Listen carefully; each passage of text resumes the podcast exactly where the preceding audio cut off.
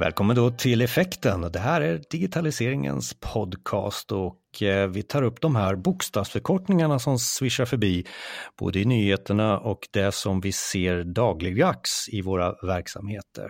Och John Tengler, det handlar om RPA. Välkommen till podden. Tack så mycket. RPA då, vad är det för dig? Ja, jag brukar tänka på RPA i tre olika synsätt. Det första är ju att det är en digital medarbetare som kan arbeta dygnet runt och tar inga kafferaster. Det andra handlar ju mer om att det är en verktygslåda som kan konfigureras direkt mot det befintliga användargränssnittet och kan exempelvis flytta data mellan olika system eller till exempel utföra specifika ärenden som du vill att den ska göra. Men det sist och vanligaste sättet skulle jag säga, det är att en digital robot eller en mjukvara som automatiserar manuella, repetitiva och regelstyrda arbetsuppgifter. Sådana som eh, vi brukar tänka på är tråkiga arbetsuppgifter. Så det här är våra nya användare? Ja, men det är ju lite så här med de givna förutsättningarna som finns så kan ju roboten arbeta precis som en vanlig användare mer eller mindre. Man brukar ju säga då att en robot kan utföra många olika instruktioner eller processer mot en IT-miljö med flera applikationer. Men den kan ju endast utföra en instruktion eller process åt gången. Så det är ju lite som vi människor. Att vi kan ju göra massa olika saker men vi är ju som bäst när vi gör en och samma sak. Så varför har RPA blivit stort just nu? Jag skulle säga att det är först nu som applikationerna och leverantörerna har plockat fram en produkt som gör det enkelt att förstå den. För tidigare har det varit mycket att man ska ner och programmera för att kunna göra en automatisering. Men nu så kan du ju faktiskt som vanlig användare gå in och testa med leverantörernas mjukvaror som flera har gratis test versioner där du kan nästan plocka ihop en robot med, som ett lego skulle jag säga. Det har gjort att fler får upp ögonen för det och det tror jag har skjutsat på hypen helt enkelt för RPA. Så vad är den direkta nyttan? För det RPA, eh, jag kunde ha sagt någon annan teknik här, men vad är den direkta nyttan med just den här te tekniken RPA? Ja, jag skulle säga att eh, automatiserade processer genom RPA genererar nytta till verksamhet på många plan. Dels är det ju att det ökar produktiviteten i verksamheten och minskar kostnader. Det kan eh, förbättra kvaliteten och det skulle jag säga har jag sett i väldigt många projekt. Och att just eliminera fel som man tidigare inte trodde fanns. Och sen också förbättra kundupplevelse och nöjdare medarbetare, för det har vi verkligen sett när vi varit ute och kört. De blir ofta mer glada genom att de kan ge mer värde och också få roligare arbetsuppgifter. Och för att ta det här vidare lite då, eh, så måste vi kanske exemplifiera lite vad, vad är det för någonting som man kan använda det här till. Och du som har erfarenhet av sådana här projekt och, och, och, du känner att här, här kan man eh, eh, säga att det här var de här nyttoeffekterna som du var ute efter. Här, här vinner vi saker på. Goda exempel helt enkelt. Mm. Jag brukar tänka på RPA i potentialen där det sker som mest och det skulle jag se i stödprocesserna framförallt. Där vi pratar mycket om ekonomi, bokslutprocesser, rapportframtagning, avstämningar. HR-funktionen när vi pratar avstämning av tidrapportering, löneadministration, personaladministration, IT när det gäller kanske immigrering av eh, data, monitorering av serverloggar, underhållning, men för den delen också inköp och försäljning. Ett bra exempel som jag höll på med nu i våras i ett projekt, det var en avstämningsprocess i ett bokslut. Det var en person då som satt i två hela dagar och stämde av ett konto. Genom att man plockade ut data från ett ekonomisystem och sen plockade ut filer, 150 filer från ett försystem med 1000 rader i varje fil. Och så sammanställer du det helt enkelt i en fil och så fick du fram alla differenser. Och det här var ju verkligen så otroligt manuellt, repetitivt och regelstyrt. Sådana arbetsuppgifter som var perfekta för RPA. Här kunde ju roboten gå in och göra den här automationen precis som personen gjorde. En väldigt simpel process som helt enkelt förkortades med 95 procent av tiden på bara ett par veckor. Kunde vi då helt enkelt automatisera 24 dagar om året. som de kunde lägga på värdeskapande arbetsuppgifter istället. Och du, du, du, dyker in lite på avdelningar som du sa, HR, ekonomi var ju ett konkret exempel. Eh, eh, Eh, slippa alla de här Excel-arken också kanske. Ja, ja. Det finns exempel runt omkring. Har du några mer eh, exempel där? Har... Ja, men en bra del om vi fortsätter på stödprocesserna, det är ju HR då helt enkelt. Eh, onboarding och offboarding har ju blivit en sån stor grej. Om man tänker till exempel nöjesparker så ska de ju rekrytera flera tusen personer till sommarens högsäsong. Det har ett extremt tryck på onboarding i början på sommaren och offboardingen i slutet på sommaren. Och under kort tid ska du hantera alla ansökningar, lägga upp anställda i system, ge dem tillgång till olika system, beställa befogenheter, informera om företaget och mycket, mycket annat.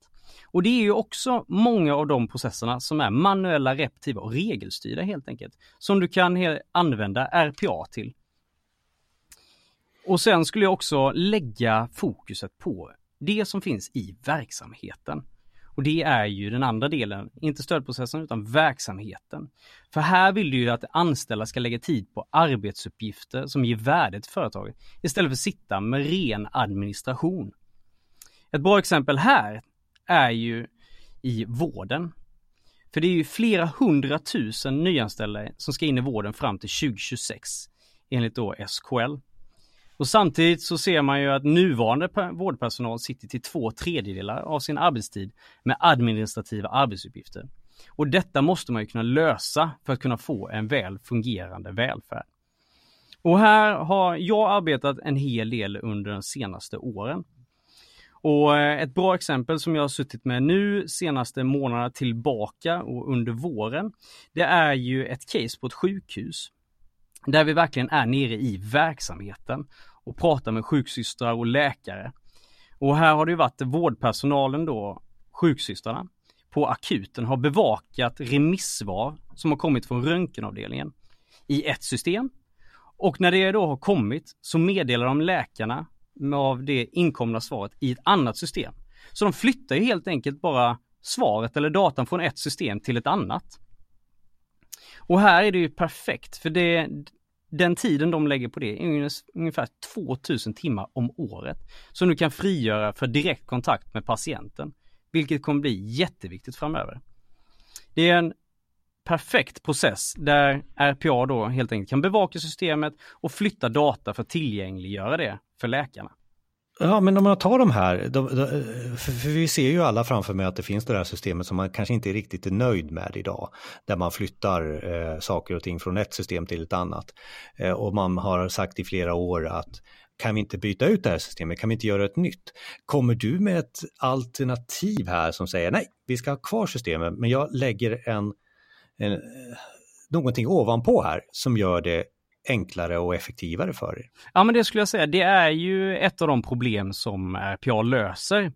För att eh, det kan ju vara väldigt dyrt att byta ut systemen. Och ibland så sitter du ändå med föråldrat och komplext systemlandskap. Och här kan du ju helt enkelt använda RPA istället för en ren integration eller eh, köpa ett helt nytt system. Så kan du på ett enkelt sätt få en låg investeringskostnad, implementera RPA och få en snabb effekthemtagning genom en enkel och snabb implementation. Och, och du gör det inte snabbt och fel då, för det kan väl en vän av ordning kanske tycka då när man ska göra om kärnan istället kanske. Men ibland så är det ju så att du kan inte ta de här stora kostnaderna vid ett sånt tillfälle men du känner samtidigt att du har en ROI som du skulle kunna hämta hem väldigt fort genom att göra en implementation på några veckor, kanske någon månad helt enkelt. Så kanske du har en effekthemtagning på säg nio månader eller ett halvår kanske redan och då istället för att lägga den stora pengen på att köpa in ett stort nytt system och lägga jättelång tid på det så kan du göra de här snabba quick fix helt enkelt. För jag tycker det handlar mycket om att både arbeta långsiktigt med kanske nya system och liknande, men också göra de här snabba quick fixen. Så du har råd att göra de där stora, långa investeringarna. Men, men, men, men, här då, återigen, om man tar på sig en IT-hatt. Eh, vi har ju försökt i flera år att bygga om de här systemen. Och så kommer det någon som säger snabbt, enkelt, ledigt, eh, så ska vi göra det här på... Men jag hör ju också att du säger att du går in väldigt mycket och pratar om eh, nytta och effekter och hemtagning. Men då pratar du med lite annat folk också. Är det, är det den förändringen som har skett, alltså du pratar mer med verksamheten och beslutsfattare inom verksamheten än, än, än, eh, och lite mindre IT. De gifter ju förstås ihop sig där, men, men är det någonting du kan bekräfta också? Ja, men det tycker jag ändå. När man är ute och träffar mycket folk så är det ju främst eh, verksamheten man pratar med och det är mycket eh, olika chefer men även de som är på golvet. Och ibland så är det ju även IT, men jag tycker man ändå träffar mycket annat folk. Eh, och det är de som har stort intresse för de ser verkligen vilken effekt det gör. Och jag tror också det är det som har gjort att det har blivit så populärt nu på bara sista tiden. Vad skulle du säga är ett bra recept för RPA? Ja, jag skulle säga om man tittar på framgångsfaktorerna i ett RPA-införande så tycker jag det är eh, fyra delar. Det första är just att eh, ha fokus på förändringsledning från början, involvera medarbetarna. Just för att inkludera medarbetarna från olika delar av verksamheten ger en mer dynamisk diskussion har man sett och det resulterar oftast i fler och bättre idéer att kunna skapa robotar kring. Det andra är mer om att använda extern kompetens samtidigt som du bygger upp den interna kunskapen. Det behövs bred kompetensbas för att följa med i den snabba utvecklingen i RPA-teknik och förstå och kunna applicera den i verksamheten. Det tredje handlar om att involvera IT, för precis som du säger, man eh, har varit väldigt fokus på IT tidigare och nu är du inne och pratar med verksamheten. Men du måste också ha dem tillsammans för att det ska kunna fungera. IT är ju alltid en viktig del av RPA-projekt och behöver involveras tidigt för att kunna skapa förutsättningar just för att kunna lyckas. Men en av de viktigaste bitarna, och det är den fjärde biten, det är just att välja process väldigt noggrant. För att kunna lyckas med det första projektet specifikt så är det väldigt viktigt att kunna lägga fokus på rätt process i förändringsresan. Jag tycker att man ska prioritera här en förbättrad medarbetarupplevelse framför den totala ROIn. Just för att skapa det här engagemanget i företaget som du vill ha och att underlätta i den fortsatta förändringsresan. Och sen också att börja med en enkel process. Gör det inte för svårt. Enkel process i ett stabilt systemlandskap som även har en testmiljö att kunna laborera i. Just för att inte göra det svårt för dig själv. Men sen också, tänk på att välja en process som passar för RPA. För idag finns det så många sätt att kunna göra det. Och vi vill kunna använda tekniken till det den är bra till. Ibland kan det vara bättre att använda OCR-skanning, API eller en ren integration. Så helt enkelt, använd RPA till det som teknologin är bra till. Och det är ju främst manuella, repetitiva och regelstyrda arbetsuppgifter. Hur, hur, stora behöver de här vara? Eh, du nämnde ju exemplen här till exempel, det var många rader och det var eh, stor eh, onboarding, offboarding process. Är det någonting du behöver, kan man göra RPA på allting och, och räkna hem det eller måste det vara lite, lite muskler? Ja, men det är väl både och skulle jag säga. Eh, jag tycker det handlar om att hitta ett bra business case. Ibland kan det vara svårt att hitta det till en början för man kanske inte riktigt vet vad man kan använda RPA till. Så det handlar om helt enkelt att vara ute och prata med dem i verksamheten, i stödprocesserna och medarbetarna om det här och starta förändringsresan tidigt tycker jag verkligen. För då kommer du kunna hitta ett par riktigt bra business case framöver. Är du den som också går in och förändrar en process? För vi har ju varit med i de här verksamhetsprojekten kopplade till IT där man känner att eh, om vi ska göra det här i något IT-system, det här, den här processen, eller det här arbetsflödet, ja det går inte, vi måste tänka på ett annorlunda sätt. Är du den som gör processförändring och är förändringsledare runt en verksamhet också när du jobbar i RPA-projekt? Ja men det tycker jag ändå. Eh, en del av projektet som vi arbetar efter det är ju att man har en tydlig processanalys. Går igenom processen tydligt. Vad är det vi kan förändra i processen för att kunna göra den kanske mer standardiserad. Och ibland så kan det ju vara så att du har en lång process men du kanske inte kan automatisera eller det kanske inte är lönt att automatisera helt enkelt hela processen utan du kanske bara gör en del av processen som du kan göra snabbt enkelt och få en stor effekt på helt enkelt. Det som Jag tror någon lyssnar på, i alla fall jag, känner så här, det här måste ju vara magi när det gäller verktygen. De måste ju göra fantastiska grejer. Är det, någon, är det någonting du kan nämna om, om verktygen som, som skapar de här RPS, eh, RPA-processerna? Eh, är det några standarder som finns där? Finns det ett antal olika att välja med? Är det någonting du kan dela med?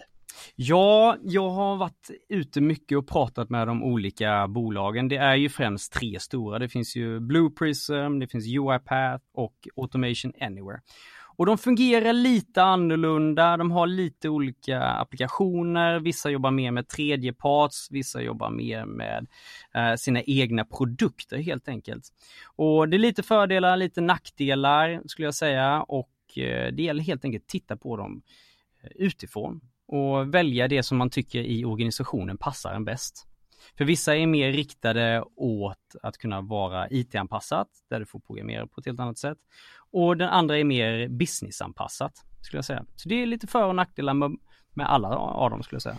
Ja, för det var det jag, jag, tänkte om jag skulle då ta på mig en systemutvecklarhatt och, och ställa frågan. Eh, är det så att man förenklar, eh, kan inte jag göra någon form av vanlig programmering om det här? Ska det bara vara som det låter att jag ska klicka i, i gränssnitt? Jo. Kan jag inte lägga in lite kod? Det skulle jag definitivt säga. Ska du göra en eh, väldigt bra och stabil lösning så måste du ut och koda. Eh, det är verkligen så. Eh, det som har gjort då att det har blivit så lätt att komma igång med RPA, det är ju att det är väldigt tillgängligt för alla och att det blir som ett sorts lego. Men att ska du göra en stabil process så måste du programmera, skulle jag säga. Annars blir det inte riktigt bra. Vilka roller, vilka, vilka personer är det som gör, eh, tillverkar de här RPA-processerna? Är det mm. utvecklare eller är det ja, men det skulle jag, det skulle jag mm. säga. Eh, när jag arbetat i projekten så har man ofta haft en eh, projektledare som drar i liksom, organisationen, ser till att vi får okej okay från olika delar inom organisationen, ser till det här med licenserna och hanteringen kring det, att man eh, analyserar processen. Och sen har du helt enkelt utvecklaren då som ska med ha en fri roll i projektet att utveckla och inte ta i allting runt omkring. Den här personen ska utveckla, testa och produktionssätta. Det brukar vara en bra kombination att ha projektledaren med hela tiden vid styrgruppsmöten och allt sånt här. Så man har ett par olika roller helt enkelt. Och sen kan man då ta användning av kanske någon SME, Subject Matter Expert, inom RPA helt enkelt som kan det riktigt bra om det är ny projektledare till exempel. Eller ha med sig en eh, analytiker som är processanalytiker och hjälper till att stödja med de bitarna. Men vi brukar se främst att det är en projektledare och en som utvecklar helt enkelt.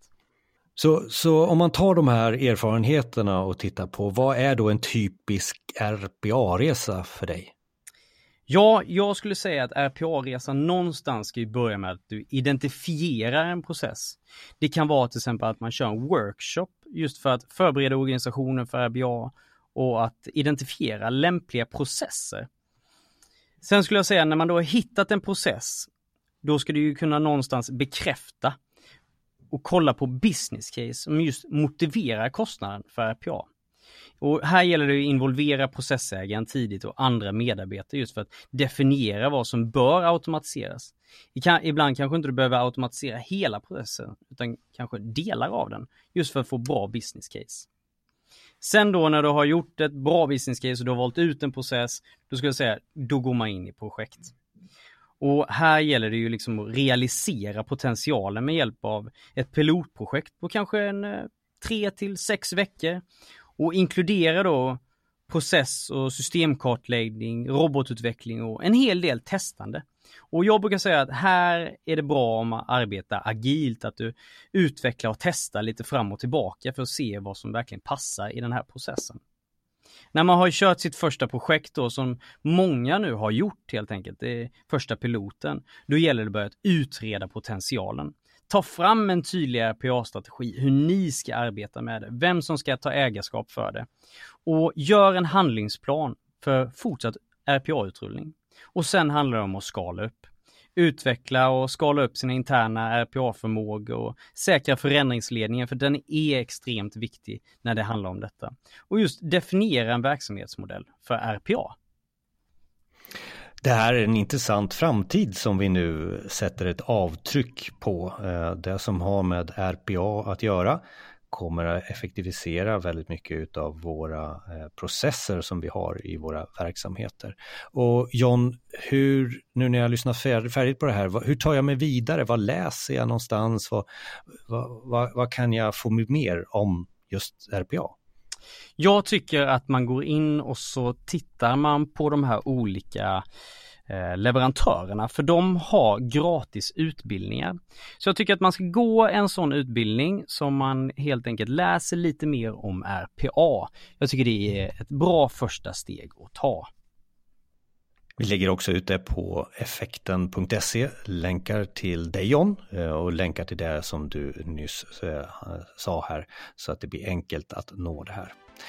John Tengler, tack så mycket för medverkandet i Effekten. Tack!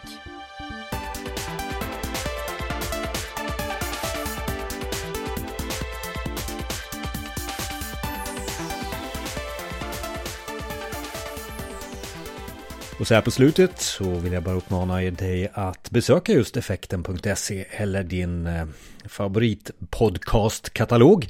Eh, starta en prenumeration på effekten och så har du där drygt 100 avsnitt då med eh, olika ämnen från experter om den pågående digitaliseringen. Eh, vi har landat väldigt mycket i AI den senaste tiden och kommer säkert att göra det framöver. Men eh, närmast på tur så kommer vi prata om agil projektledning. Det är eh, nästa avsnitt. Så dela med dig av podden och starta en prenumeration så hörs vi senare.